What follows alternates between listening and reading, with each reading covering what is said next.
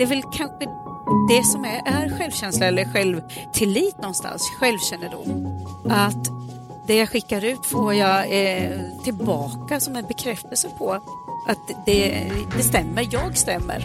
Min egen bild av mig själv stämmer. Jag får spegling hos den hos andra. Det här är podden om den hållbara chefen med mig, Linda Högbacka, och idag har jag en gäst i studion som heter Helena Eskilsson. Välkommen hit, Helena. Tack så jättemycket. Spännande att vara här. Kul att ha dig här, tycker jag. Du är verksamhetsansvarig på Arbetslivsresurs. Ja, det stämmer bra. Sen fem år tillbaka så eh, är jag här i Göteborg och eh, ansvarig för flera av våra verksamheter med uppdraget att utveckla eh, en hälsotjänst, ska jag säga, eller ökat hälsofokus till alla våra tjänster. Med målet att verka för ett hållbart arbetsliv. Så därför är du den perfekta gästen för mig, tycker jag. Tack. Så roligt. Du, eh, idag är det, nu är det förmiddag eh, och eh, jag har redan varit väldigt aktiv sedan klockan sex i morse, för det är då jag jobbar bäst. Eh, hur ser, har din morgon sett ut?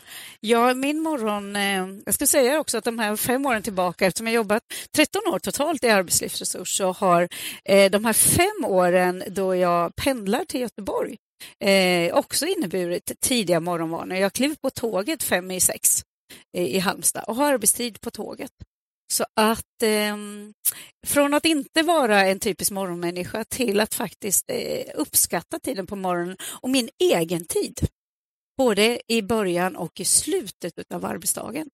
Där tågåkandet inte är en belastning utan tvärtom tillför mig så mycket eh, arbetsro och tid för reflektion. Mm. Intressant. Jag pendlade också för många år sedan, men jag saknar det ibland för man kunde sova. sova dit och sova hem. ja, eh, vissa dagar så behöver man den återhämtningen också, men jag tänker framförallt reflektionstiden eh, har jag saknat tidigare i mitt uppdrag mm. eh, som, som coach eller eh, som konsult. Mm. Eh, många gånger så har man fått öppna upp datorn eh, när man kommit hem senare på kvällen när barn och, alla kvällsrutinerna är avslutade. Det är jag disciplinerad nog att inte göra nu, utan försöka vara färdig. Och det jag inte hinner med på eftermiddagen vet jag att då har jag morgontågets mm. tid att eh, nyttja. Och det blir väldigt hållbart för mig. Just det. Vi var ju inne på det senaste avsnittet eh, när vi pratade tre personer i studion. Då var det Freddy Hahn och så var det Sofia B Olsson som pratade kring eh, hållbart ledarskap. Och eh, då sa jag lite desperat, det måste väl vara återhämtningen som är grejen, reflektionen som är grejen, sa jag nog. Eh, och många har kommenterat på det där sen. Alltså reflektionen, den är ju så svår att, att liksom få till, eh, men så livsviktig. Man tar ju ganska snabba beslut om man inte hinner tänka på dem i förskott. Liksom. Eh, så att, eh, det verkar vara en av nycklarna. Ja, ändå. och det är väl, eh, jag ska inte säga att det bara är svårt i chefsrollen, utan kanske i alla människors uppdrag att eh, både ha tid för att titta på sina mål och sina visioner och att eh, framförallt om vi tittar på det arbete vi gör dagligen, komma igång och jobba med handlingsplaner för att nå sina mål eller nå sin vision någonstans. Eh, det krävs ju inte bara reflektion, men reflektionen blir väldigt viktig, eh, både för inlärning framför allt och eh, konstatera att eh, vissa saker fungerar e-, enligt förväntan och vissa inte. Då, då. Då låter det ju som att du har liksom haft en period i livet när du inte åkte tåg och inte hade den här reflektionstiden. Eh, märker du någon skillnad på att ha det så inplanerat, för nu blir det ju verkligen reflektion, reflektion. Mm. Eh, ja, skillnaden är egentligen att det är öronmärkt tid i kalendern. För att eh, telefonsamtal är inte lika enkelt och framförallt inte professionellt att föra på tåget. Det kan vara akut svar eller små, små eh, korta samtal, men det, det här blir egen tid som jag kan för, förvalta på ett annat sätt. Där jag kan tänka att eh, också tidigare innan covid, eh, när man var i sammanhang och man påverkades av människor runt omkring, att man rycktes med och man, inte, man tappade bort prioriterad tid. Min kalender är mer öronmärkt idag och dedikerad till reflektionstid i mm. slutet av dagen. Mm. Det blir ju lite enkelt för dig då att säga att du är på tåg. Ja, precis. Eh, Men eh, hur kan man annars göra med det här gentemot andra personer? För jag upplever att om man liksom lägger in i, i kalendern så här, eh, reflektionstid eller eh, eh, tid för någonting annat, alltså om man skriver något som inte är så specificerat så kanske det blir bokat i alla fall. Mm. Eh, har du någon, liksom, någon tips kring det? Ja, det här är ju någonting som vi diskuterar ganska ofta på jobbet och kollegor emellan, att, att leva konsultrollen och att eh, faktiskt ha utrymme i kalendern för du vet inte när uppdragen trillar in och, och periodvis så måste du tacka ja för fastän kalendern kanske är fullbokad eh, för du vet att det här planar ut. Så att eh, strategin är faktiskt att, att bevaka den här tiden och att inte talla på den. Och det krävs disciplin. Samtidigt som vissa veckor så fungerar det inte självklart. Då, då får det bli det som, som kommer in Mm. och det som finns framför en. Vad tror du om att man skulle säga så här då, eh, nu behöver jag tänka igenom eh, min senaste tids arbete för att kunna göra ett bra arbete framåt? Skulle det funka? Absolut, lika gärna som vi har avstämningar i, i teamen för att samla upp och föra processen framåt i de olika projekten vi är inne i, så eh, är det här någonting som jag vill värna om för, för att kunna utöva egentligen e-, ett självledarskap. Det är lika viktigt för mig som för mina kollegor. Och jag tror också i min chefsroll att eh, det här är ju någonting som har blivit mer och mer aktuellt med, med självledarskap och en stor organisationsförändring, ingen quick fix för många organisationer, där chefen får ta en annan roll och som bygger på tillit och på eh, ja, individens egna förmåga att leda sig själv. Och då krävs det mycket självinsikt och självkännedom för, för att kunna fullt ut ö, eh, utöva ett självledarskap. Hur kommer du till självinsikt? Ehm, Bra fråga. Ehm, Det gick över en natt. Det gick över en natt. Nej, att, att, nej, men jag tror att det viktiga är ju att eh, vara sann mot sig själv i det här. Eh, och eh, också be om feedback och be om hjälp för att eh, förändringstakten är så snabb och vi är ju blixtsnabba på att ställa om och vi har ju klarat senaste två åren galant. Det här som vi trodde i, i vår bransch att, att både ha coachsamtal och, och seminarier eller dialoger eh, på distans. Det var ju liksom vi fasa, det var ju att underminera coachutförandet till att det har fungerat eh, fantastiskt bra och till och med eh, kanske ännu bättre i många fall än vad vi trodde. Och då, nu är du inne på din eh, verksamhet Mm, som mm. du jobbar med. Liksom, Mm, att. Ehm, men om vi då backar tillbaka lite och tänker så här, du utifrån dig själv som ledare och som chef. Eh, vad, den här självinsikten, den kommer ju liksom kanske på olika sätt till olika människor. Hur såg din resa ut? Ja, att vara trovärdig i det man gör och det man utstrålar. Eh, kroppen avslöjar dig. Här, här tror jag att för att jag ska må bra framför allt så, så måste jag ju leva som jag lär. För det, annars syns det på mig. Och eh, också, eh, jag vet också att det syns på hela mitt ansiktsuttryck, hela mitt kroppsspråk om jag inte är tillfreds eller om jag inte är överens eh, med eh, ja, direktiv eller eh, det som jag ser framför mig. Då, då. Jag blir lätt avslöjad. Mm.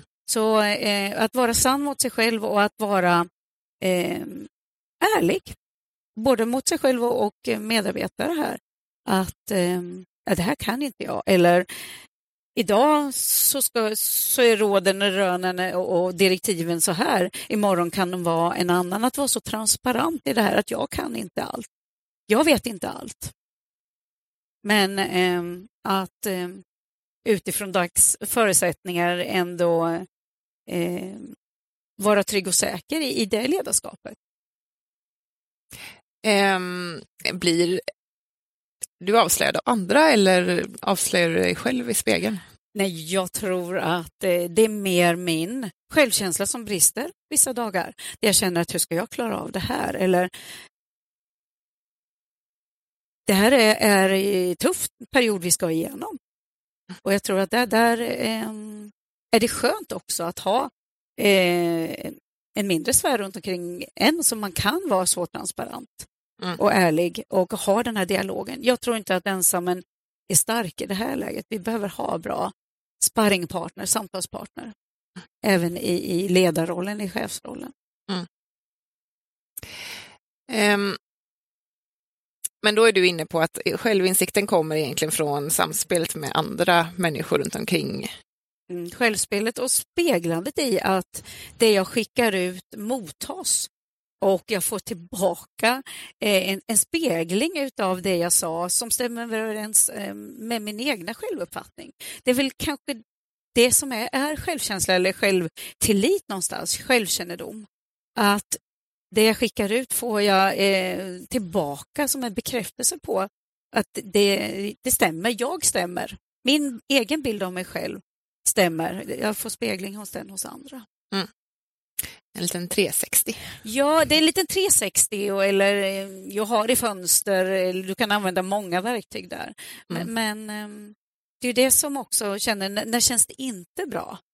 Och det är ju när man, in, när man får tillbaka en kommunikation där jag blir missförstådd eller jag känner, får en egen känsla att jag inte duger eller att jag inte kan.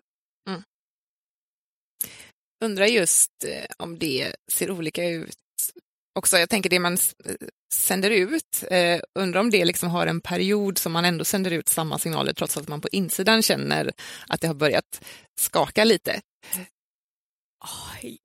Personligen tror jag att jag är jättelätt genomskådad, men det är min självinsikt som säger mig det. Ja. Att jag, det, det, jag pyser i, i de lägena. Men, mm. men eh, det är ju intressant, vi går in i olika roller, vi klär på oss olika kostymer så att säga. Ja, för det hade ju varit liksom bra om man hade en ställtid. Jag hoppas på att jag har en ställtid, alltså innan det börjar så här skaka, eller när det börjar skaka lite inuti, man tänker så här, nej, nu har jag liksom fått för lite av något jag behöver. Att inte det direkt liksom märks utåt, utan att man har en liten ställtid från att mm. det har gått lite, eh, inte snett ska jag väl inte säga, men att man liksom helt enkelt man har ett behov man behöver fylla upp på något sätt. Mm. mm. Eh, till det att det faktiskt påverkar någon annan. Mm. Och det hoppas man och det tror jag reflektionstiden blir viktig då, inte bara med sig själv utan att man faktiskt har någon eh, att be om feedback.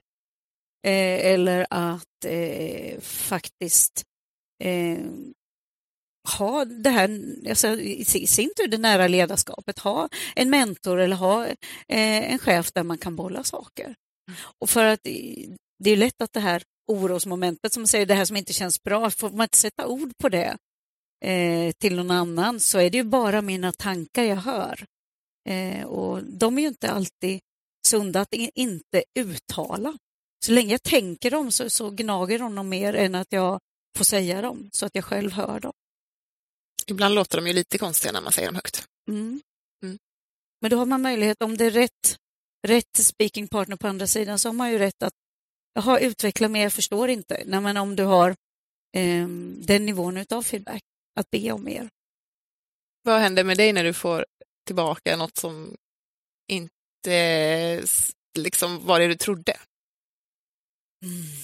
Jag är nog jättesnabb på att såga mig själv. Mm. Men sen är jag snabb att ställa om också. Här kommer det möjlighetsorienterade tillbaka. Jajamensan, hur kan man göra annorlunda? Ehm, och det, det, är det här som är spännande med förändring och förändringskompetens. Det är någonting man tycker man har en stor portion av ända tills det drabbar en själv och man står inför den här eh, förändringen. Och att då eh, snabbt kunna backa och styra om och, och, se möjligheterna i det och se vinsterna med förändringen. Eh, och det har nog varit min ledstjärna tror jag personligen eh, genom hela mitt liv. Eh, jajamensan, hitta ny kraft och så. Eh, men inte ensam. Jag, jag, tror att det här behövs ett samspel mm. för att kunna ladda, hämta den energin. Mm. Annars är det tärande. Mm.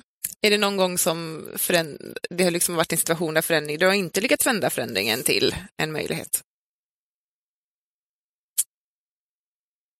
Det borde vara många gånger, tänker jag.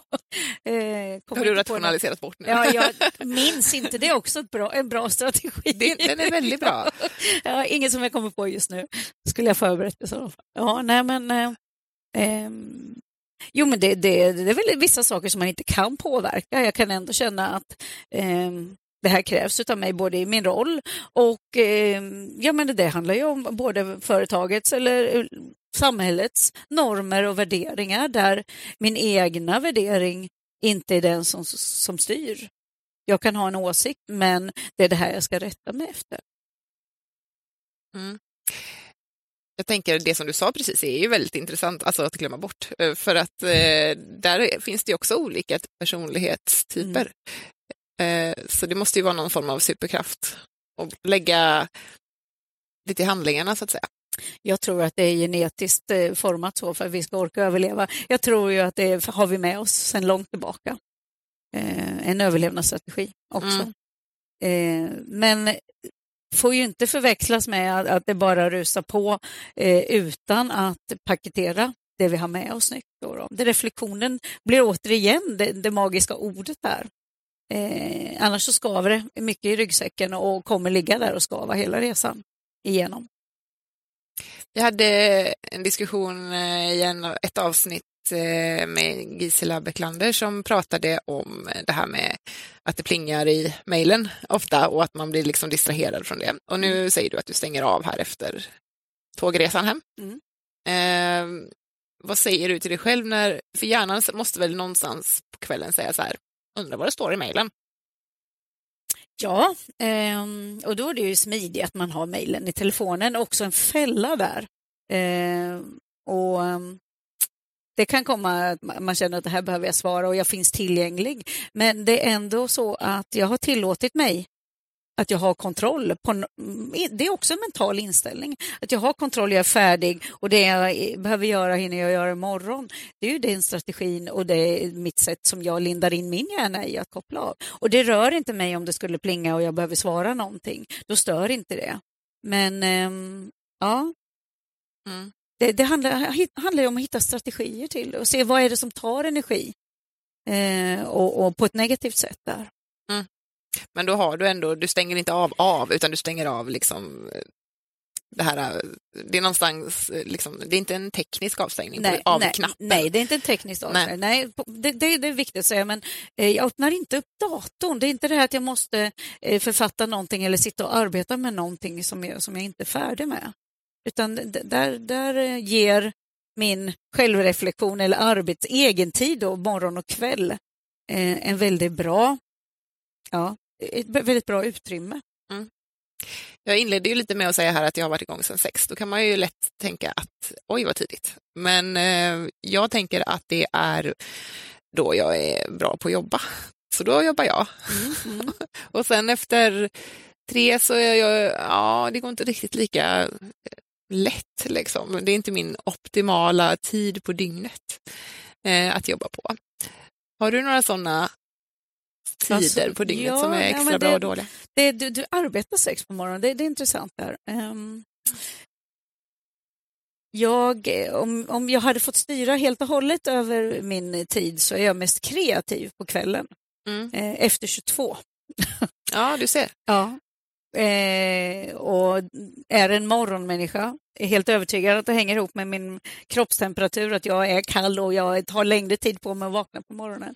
Eh, men eh, det som fungerar bra här just nu eh, med att faktiskt ha arbetstid när alla andra har arbetstid eh, och det som ska utföras utförs under dagtid är att jag har tid att, och som är viktig tid att prioritera, eh, mig själv och min egna träning, eh, tillfälle att äta mat, umgås med nära och kära. Där är så viktig del i vardagen också att få utrymme för det. Mm. Och det måste få ta plats i livet för att jag ska bli hållbar. Mm. Ja, skulle alla ha sina egna rytmer alltid så behöver man hitta, då, det, det är så man ska matcha sig själv då, mot ja, människor med ja. samma rytm i så fall. Samtidigt som, som man, jag, jag, tror också att det är en överlevnadsstrategi det här, att vissa i flocken skulle vara morgonpigga och, och ha morgontimmarna för att vakta och vissa skulle vara kvällspigga. Det, det här läste jag om för ett litet tag sedan, att det är nog också något genetiskt vi har med oss, att vi inte är lika där. Eh, men har jag tid och ska skapa någonting eller behöver vara i den innovativa boxen, lådan, eh, då använder jag gärna kvällen. Mm. Det ger mig någon slags, inte bara energi eh, tillgång utan också att det blir tyst och lugnt runt omkring tror jag påverkar väldigt mycket där. Jag tycker det här är intressant därför att man vill ju gärna ofta tala om ett recept på typ balans. Liksom. Mm. Det här är receptet på balans. Eh, man jobbar åtta timmar mitt på dagen. Men det är ju inte receptet på balans för alla.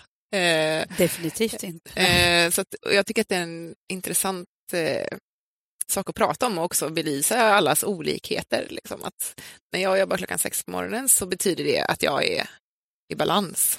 För då får man, jag och min arbetsgivare då i slutändan ut mesta möjliga prestation av mig. Mm. Eh, och jag får också vila när jag är trött. Mm. Eh, och jag får vara kreativ när jag är kreativ. Liksom. Eh, det där tycker jag är en... Eh, ja, det är någonting jag hoppas mycket på inför framtiden. Ja, och det här är också intressant eh, eftersom vi är olika och vissa yrkesområden och vilka, vissa branscher har, där har du inte möjligheten att styra din tid utan där är det givna arbetstider. Ehm, tidigare när jag jobbade som hälsovisionär på ett stort företag i eh, Halmstad så införde vi önskeschema och det var väldigt spännande att se eh, hur folk valde när de hade möjlighet att påverka sitt sina arbetstider.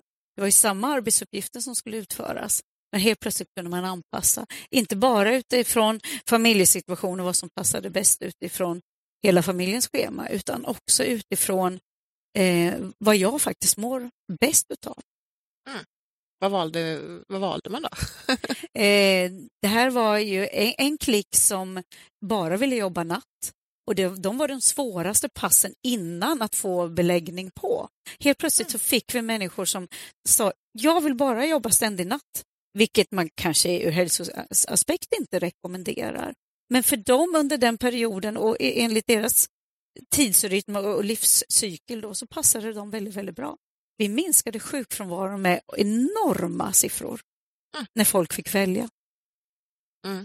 Och Det här är också intressant ur ett hållbarhetsperspektiv. Vad är, vad är allra viktigast för att egentligen ha ett hållbart arbetsliv eller, eller ett hållbart liv om vi ser på balans i livet? Då? Det är också att kunna påverka få vara delaktig. Och det tror jag det här önskeschemat eh, var ett jättegott exempel på. Det var precis samma arbetsuppgifter, precis samma chef, avdelning och så vidare. Men här fick du helt plötsligt vara med och påverka vilka tider du skulle vara där. Mm. Mycket intressant, hör du. Mm. Jag funderar på det här om man alltid går emot eh, sin naturliga dygnsrytm eller det man, sättet man skulle vilja göra saker på. Hur det påverkar en människa i längden. Det finns ju säkert någon forskning på det som jag dock inte har läst. Men vad tror du? Vad tror du? Ja, såklart att det kostar mer energi. Eh, och det har ju likadant med, med mycket styrkor och resurser vi besitter, att hitta det här just som jag är bra, vad mina drivkrafter är och, och vad som ger mig energi. Eh, behöver vi vara i en låda där vi inte, eller i en situation där vi inte kan påverka? Och ehm, börja klockan sex. Det är ju spännande som jag gör nu. Jag säger ju att kroppen är ju fantastiskt flexibel ändå och att jag ställer, kan ställa om. Men, men såklart att, att um, behöver jag ladda om och vet att det, det, här är jag inte bäst på eller det här tar emot såklart att, att det sliter. Det kan jag, inte, jag har inte heller någon forskning någon belägg på det, men, men det är också lite grann eh, spännande när man pratar utifrån persontyp och eh, vilka läggningar vi har, vilka drivkrafter vi har. Eh, det är inget som säger att det inte kan göra det mesta.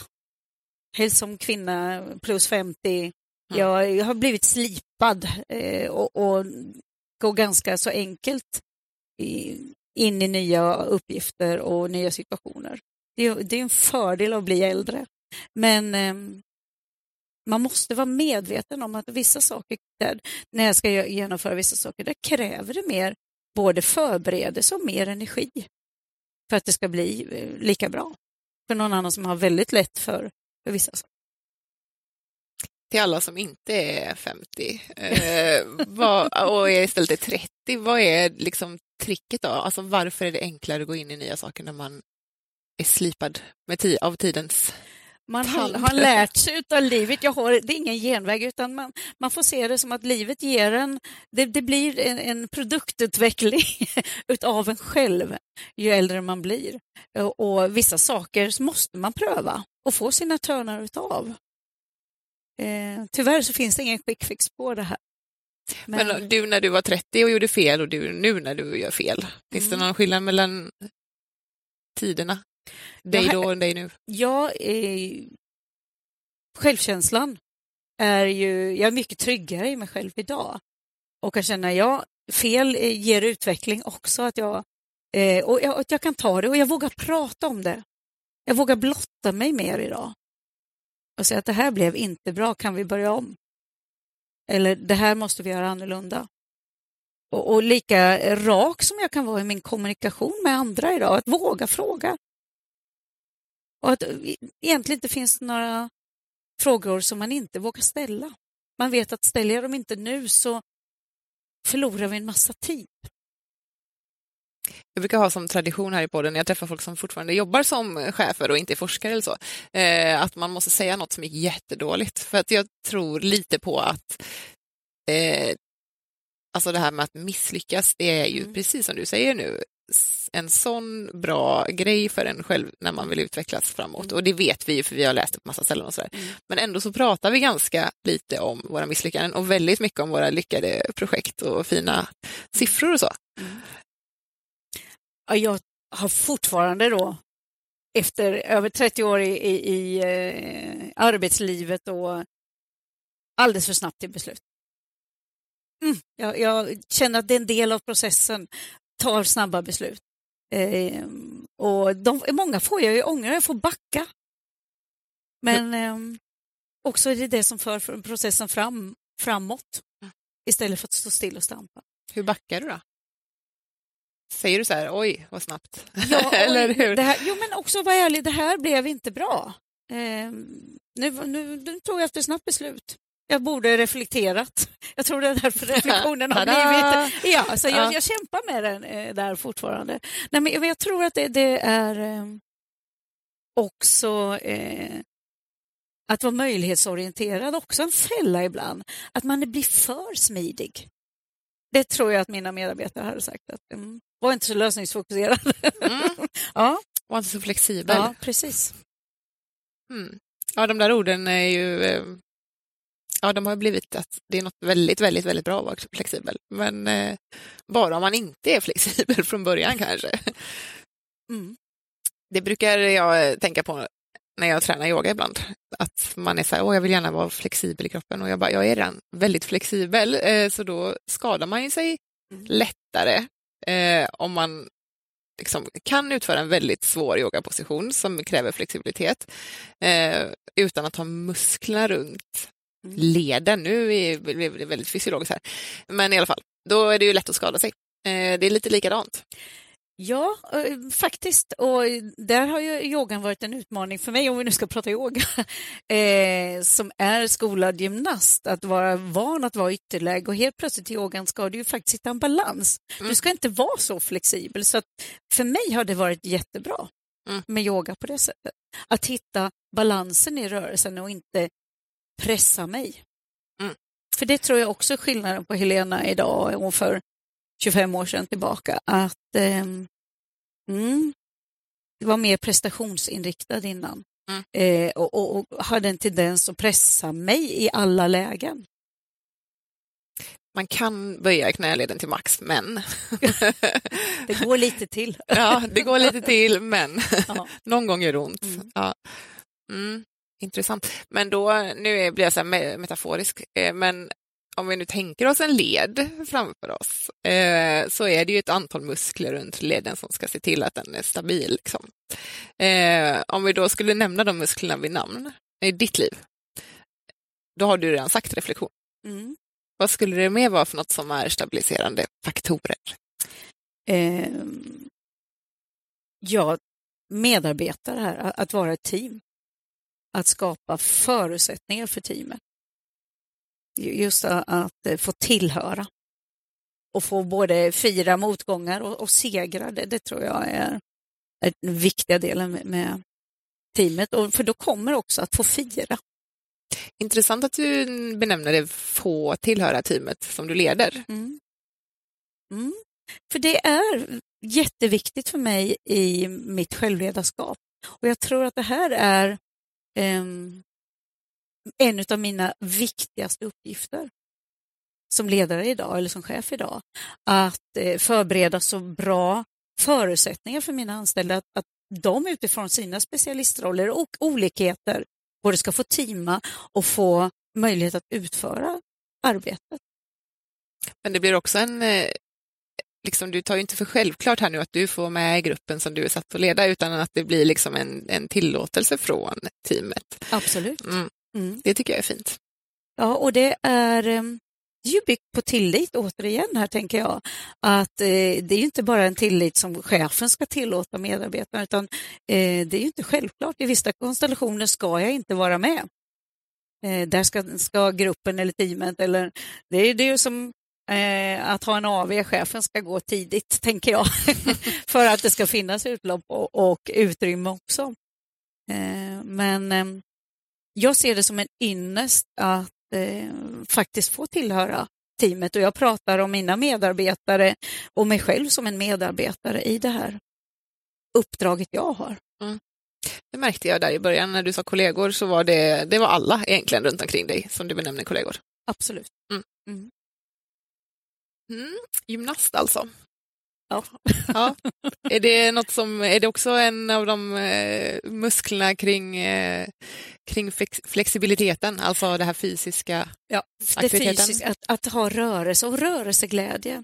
Ehm, och det kan vi väl säga, det är ju det som har genomsyrat hela mitt yrkesaktiva liv, att fortfarande stå kvar med ena foten på något sätt i, i, i kroppen och kroppens eh, funktionalitet. Och det är så roligt nu om vi bara tittar, nu, nu har det gått flera år här med Anders Hansen och, och Järnstark och, och mm, egentligen nygammal kunskap. Det här har vi vetat väldigt, väldigt länge. Det är bara att helt plötsligt har vi all forskning som har eh, utförts på riktiga människor som, som har dumpit ner och de forskningsresultaten visar ju precis på det här vi redan vet.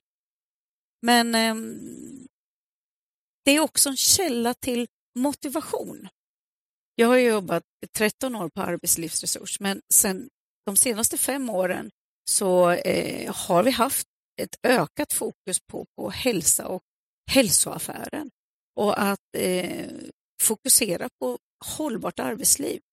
Och där grundstenarna då inte bara blir den förvärvade kompetens eller det jag har studerat och eh, har, har examina på, utan eh, också hur avgörande min, min vilja, motivation är tillsammans med min, min ork, min, min, mitt välbefinnande. Så orka, kunna, vilja är ju det som, som sammanfattar min kapacitet, min dagsform, min dagliga eller livslånga kapacitet. Orka, vilja, kunna. Mm. Mm. Mm. Har du några mer stabiliserande faktorer? Muskler? Ja, det är självklart familjen mm. och nära vänner. Ehm, som eh, jag kanske får ta mer periodvis utav arbetet och vara speaking partner mer än vad kollegorna får, får ta. Men familj är väl inte på automatik en, det här är en väldigt ledande fråga, per automatik en stabiliserande faktor? Nej, det kan jag hålla med om, men för mig är det det. Ja. ja. För mig är eh, min man och mina systrar, mina barn, vuxna barn nu, eh, bra sparringpartner. De är väl eh, pratade på om jag tittar på barnen här. Eh, de har fått mycket coaching och eh, feedback under sin uppväxt. Och den är tuff att ta tillbaka nu, men de är duktiga ja. på att eh, signalera på det de ser nu också. Mm. Ja, den där spegeln alltså. Den är ju Den är tuff, Den är tuff. men väldigt, väldigt stolt över det man får tillbaka. mm. Mm. viktigt också att se att det är något du får tillbaka som du har byggt på själv. Och så får, liksom, för det blir ju den här växelverkan. För dels har man ju lite tur, måste, alltså när det gäller familj just, att man har Mm. valt rätt.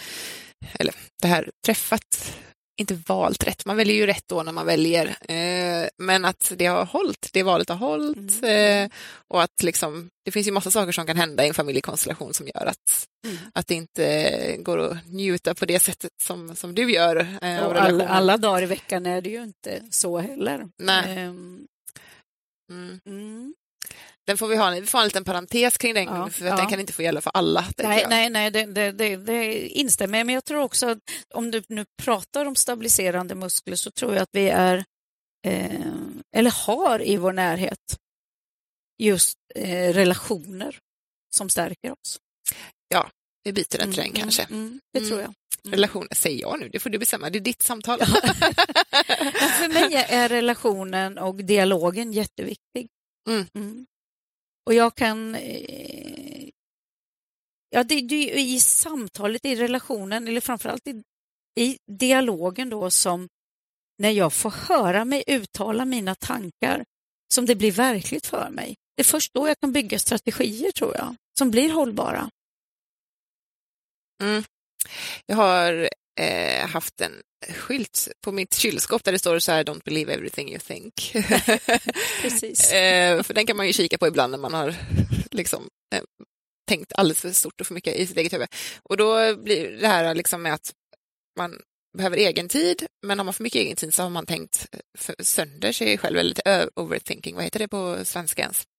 Ja, övertänka, övertänka. helt Ja, enkelt kallar vi det då. Ja. Mm.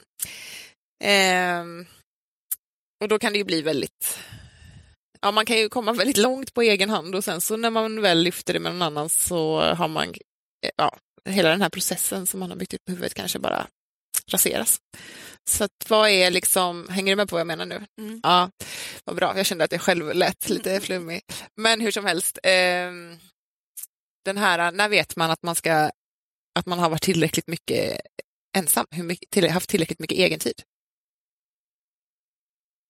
Ja, det var en svår fråga. nej, men, nej, Det, men, det är det jag jobbar med här i podden, Ja, ja, ställa precis. svåra frågor. nej, men, ja, men eh, och har man haft för mycket egen tid? Eh, Jag tror att det idag är en angenäm eh, del om man har för mycket. Om jag bara tittar i mitt arbetsliv, där eh, är det nog den här tiden både att, att vara i strategirutan, vilket jag lägger för, eh, reflektionstiden i också, väldigt knapp.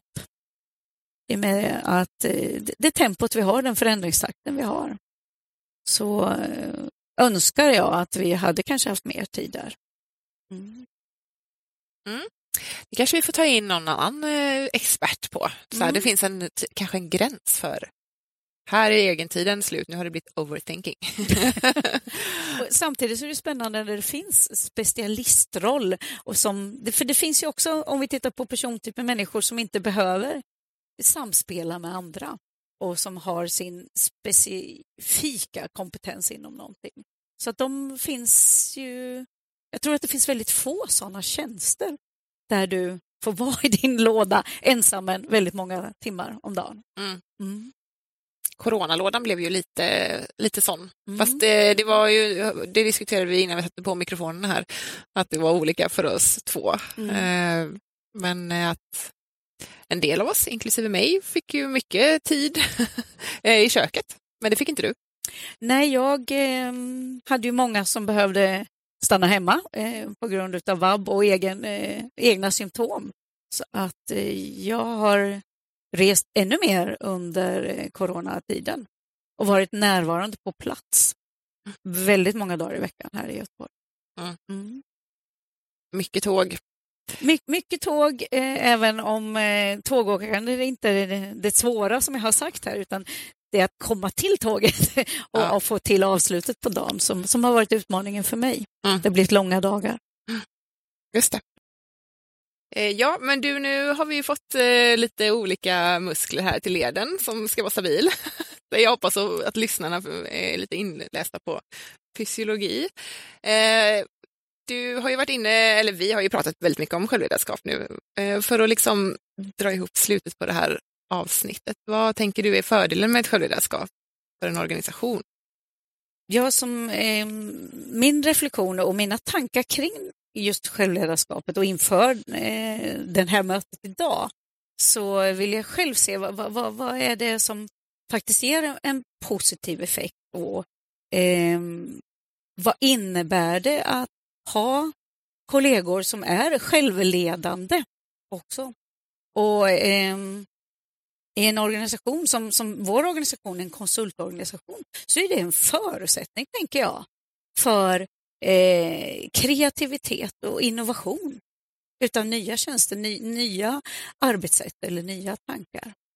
Och eh, i min värld så, där, där man har sin chefs eller sin organisations tillit och ma- man hittar lusten då och individens driv till att inte bara prestera det som förväntas av en utan att jobba och verka för, för organisationens eh, mål eller vision. Eh, att man får en ökad effekt av det här. En ökad prestation om vi ska sätta liksom, kronan och ören på det. En ökad effekt, Mm. garanterat. För att jag blir viktig, mina tankar är, är viktiga och eh, få dem i samklang med, med, organisationens då, vision och mål. Och man har sett också för, vad det gäller forskning och stressforskning att självledarskapet eh, och en, en organisation och ett ledarskap som, som bygger på tillit. Det är inte bara det att, att eh, kapaciteten ökar hos var och en där utan stressnivån sjunker. Och det här är ju framtiden för att klara av våra nya utmaningar. Också att vi, vi kan må bra och kunna hantera sin arbets... Två saker har jag tänkt på extra mycket under det här samtalet och det ena är eh, jag visualiserar alltid saker så jag ser en gäng människor gå runt med en tröja på sig som det står respekt på. och att det är liksom, för egentligen är det ju det det här kokar ner till, eh, respekt för sig själv, Mm. respekt för sina kollegor. Eh, och att det, om jag uttalar ett behov, eh, jag vill gärna jobba klockan sex på morgonen men inte klockan tre till exempel, så respekterar eh, jag det hos mig själv men också jag, jag som ledare eller chef respekterar det hos mina kollegor. Eh, vad tror om det, för respekt använder man inte riktigt så mycket i den här diskussionen som begrepp. Liksom. Nej, men det är nog eh, en bra summering på det. Eh, och också eh, att man har respekt för förväntningar på sig själv. Eh, jag, jag tar den här platsen och jag vill att jag ska få, få verka och vara här. Samtidigt som det måste finnas en respekt till vad som förväntas av mig. Kan de två mötas så tror jag att det är ett win-win. Definitivt. Mm. Sen har jag också tänkt på att det är ju inte så himla enkelt. Alltså det här, man vill ju gärna, ju mer man diskuterar det här ämnet, eh, så alltså hållbart ledarskap eller en hållbar chef, eh, så kommer man ju fram till att eh, det är inte enkelt att balansera de här olika variablerna. Eh, och det här är ju liksom inte rocket science, det ju, har man ju förstått kanske på, genom livet. Men det är viktigt kanske att peka på det också. Kanske ska döpa det här avsnittet till Det är inte så enkelt med Helena Eskilsson. Vad Tror du om det? Kan ha fel. Ja, Jag kan ha fel. det är inte så enkelt, det är kanske är fortsättningen där. Ja, ja, precis. nej, nej, men jag, jag tror också det du var inne på här, att, att respekt och att eh, ett företag eller en, en, en enhet består ju av så många olika individer och förmågor och resurser. Eh, utmaning och det spännande är ju att, att få de här att samverka utifrån sina styrkor och resurser och olikheter. Eh, så eh, respekt lika med ego och egoism fungerar, fungerar inte. Att det är så här jag vill ha det. Men, men respekt och också, också tillåtande eh, i att, att förstå varandra och förstå vad, vad eh, kollegorna bidrar med. Och att det finns ju inget bättre än att få feedback på just vad, vad mina styrkor och resurser har bidragit med i, i uppdraget eller i, i projektet. Mm. Nej, precis. Mm. Du, jag är så glad att du kom hit och gästade podden om den hållbara chefen. Det var en eh, ära att få prata med dig. Tackar så mycket. Jag tackar också tillbaka första gången i poddsammanhang. Tada! Tack! så kan det vara. Men du, eh, innan vi bara lägger på luren, höll jag på att säga, det är ju ingen lur, men innan vi stänger av mikrofonerna, så vad hittar man dig om man skulle vilja nå dig någonstans? Då hittar man mig eh, lättast kanske på eh, Arbetslivsresurs hemsida under kontoret i Göteborg. Där står mina kontaktuppgifter. Bra, tusen tack för att du var med. Tackar.